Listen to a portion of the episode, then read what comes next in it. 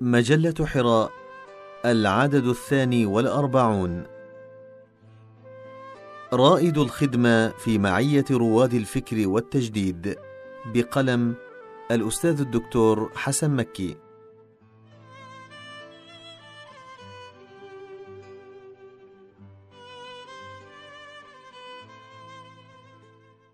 أكرم الله سبحانه وتعالى الأمة الإسلامية في القرن المنصرم بجملة من الرواد جددوا إيمان الأمة وأعادوا إليها مطلوبات القوة والحيوية في مجالات العلم والتربية والقيادة والدعوة والسياسة والاقتصاد. وازدهرت نوى التجديد التي غرسوها فأينعت وأثمرت مما وضع الأمة على أعتاب مرحلة جديدة بعد عصور الانحطاط والاستعمار. إن الدين بدأ غريبا ويرجع غريبا فطوبى للغرباء الذين يصلحون ما أفسد الناس. فطوبى للرواد الذين برزوا في مجالات الدعوة والعمل الاجتماعي كالإمام حسن البنا بادر بذرة كبرى الحركات الإسلامية في المجال الدعوي والاجتماعي والسياسي.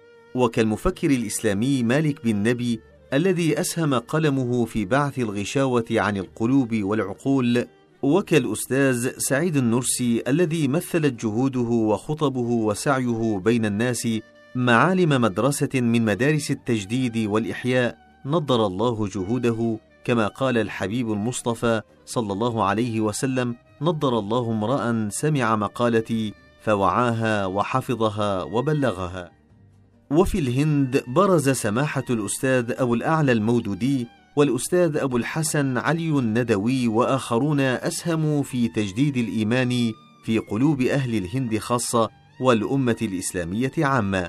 كأنما عناهم الحديث المروي عن الإمام أحمد إن الإيمان يخلق أن يبلى في القلب كما يخلق الثوب. فاسألوا الله تعالى أن يجدد الإيمان في قلوبكم. عانت الشعوب الإسلامية أشد المعاناة في التمسك بدينها في فترة ما قبل الحربين العالميتين وما بعدهما.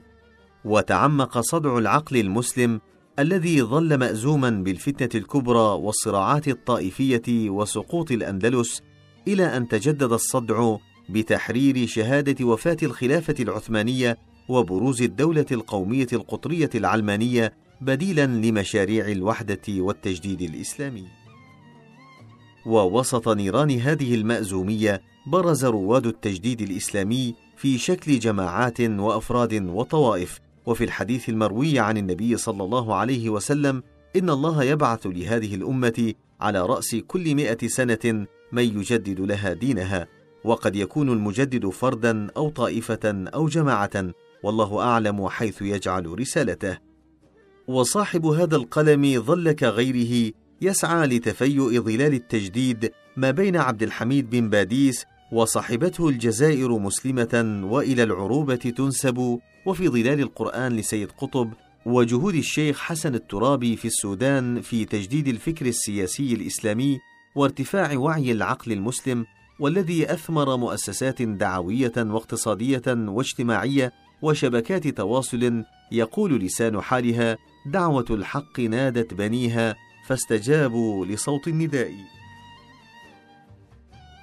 ومن تركيا برزت حركة الخدمة بجمعياتها ومدارسها وحركتها الفكرية وسعيها الدؤوب لإعادة فتح العقل الإسلامي والعالمي بإقرأ والقلم.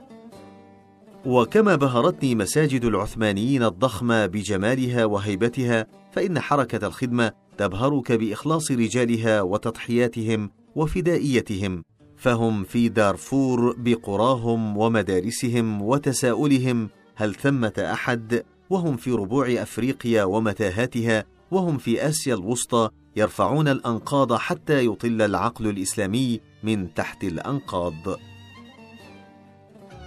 من هم هؤلاء الرجال الذين يفتحون القلوب والعقول ويبنون المدارس ولا يتكلمون إلا باسم الأمة وباسم التجديد وباسم إحياء القلوب وباسم كل التراث الإسلامي والتاريخ الإسلامي.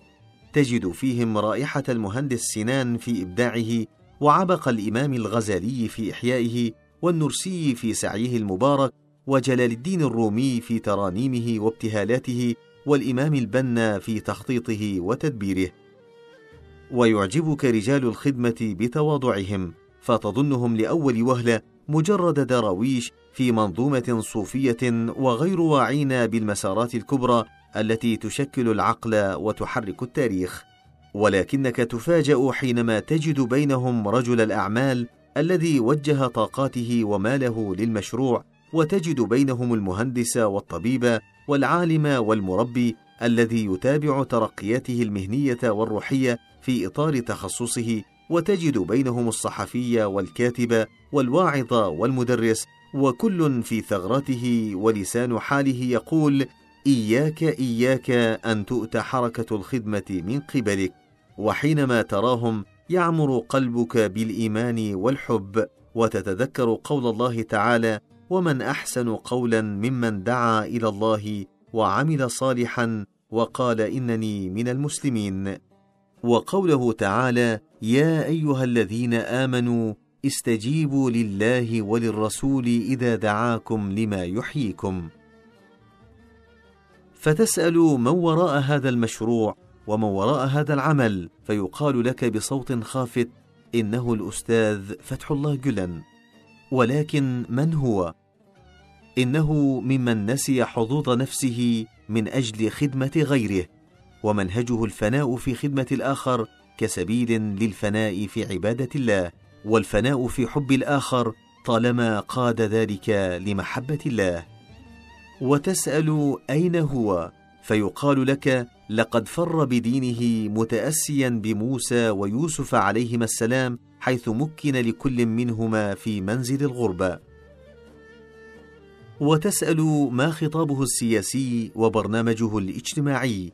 وتعجب أنه لا يستعجل الأمور لأنه مشغول ببناء ما هو أهم وأجل من السياسي فهو في شغل عن السياسي بعكوفه على بناء المسلم الذاكر ببناء بيت الرب في قلب العبد.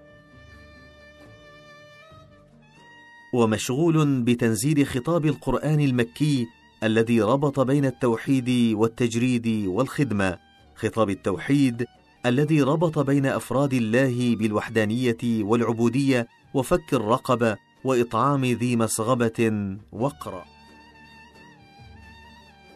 ولعل مفتاح حركة الخدمة في إقرأ حيث تنزل خطاب إقرأ إلى آلاف من المدارس ليس فقط لفك الخط ومحو الأمية ولكن لإعداد جيل من الموهوبين من فرسان العلوم الحديثة في الربانيات والفيزياء والكيمياء واللغات وغيرها من أدوات الصعود والوثبة الحضاريه في إطار مشروع الأستاذ العابر للحدود الجغرافية والحواجز السياسية. وحينما تدخل على مشروع الأستاذ بعقلية الحصر والعد تتيه كما يتيه المتبتل والمتفكر في محراب التأمل والتدبر والنظر والجمال. حيث يدهشك جمال اللامركزية في المشروع وأناقة الندية بين أبناء المشروع ويبهرك تعدد الأوقاف وقف الكتاب والفنانين وقف رجال الأعمال وقف الباحثين وقف أساتذة الجامعات وقف الجمعيات الطوعية والخيرية وقف التواصل والتداخل عبر شبكات التواصل الاجتماعي المستوصفات المدارس دور النشر وكلها في حالة تناغم داخلي وخطاب عالمي. وتسأل كيف التشبيك؟ ولا إجابة ولكن قد تردد في باطنك وألف بين قلوبهم لو أنفقت ما في الأرض جميعا ما ألفت بين قلوبهم. ولكن الله ألف بين قلوبهم إنه عزيز حكيم. وتسأل عن قصة المشروع وصاحب المشروع. فلا تجد إلا بعض إجابات. إنه من زمرة الفارين إلى الله والفرار إلى الله على كونه انتصارا إلا أنه من أصعب الاختبارات. لا يغامر في السير فيه إلا المصطفون. ونحسبه من الطائفة وإلا فالبدايات مكابدات حتى تسميته مع صرخة الميلاد إذ نازعت السلطات الكمالية في تسميته رافضة اسم فتح الله والذي كسبه في النهاية عن استحقاق وجدارة وإن حرم منه في شهادة الميلاد. وتسأل عن الطفولة والدراسة والوظيفة فإذا هي سلسلة من المجاهدات الاكتفاء بالنوم على نافذة المسجد والخشن من الثياب والتقشف والقليل من الإيدام ثم الملاحقة الأمنية والعمل السري والسجن ثم الفرار إلى الله.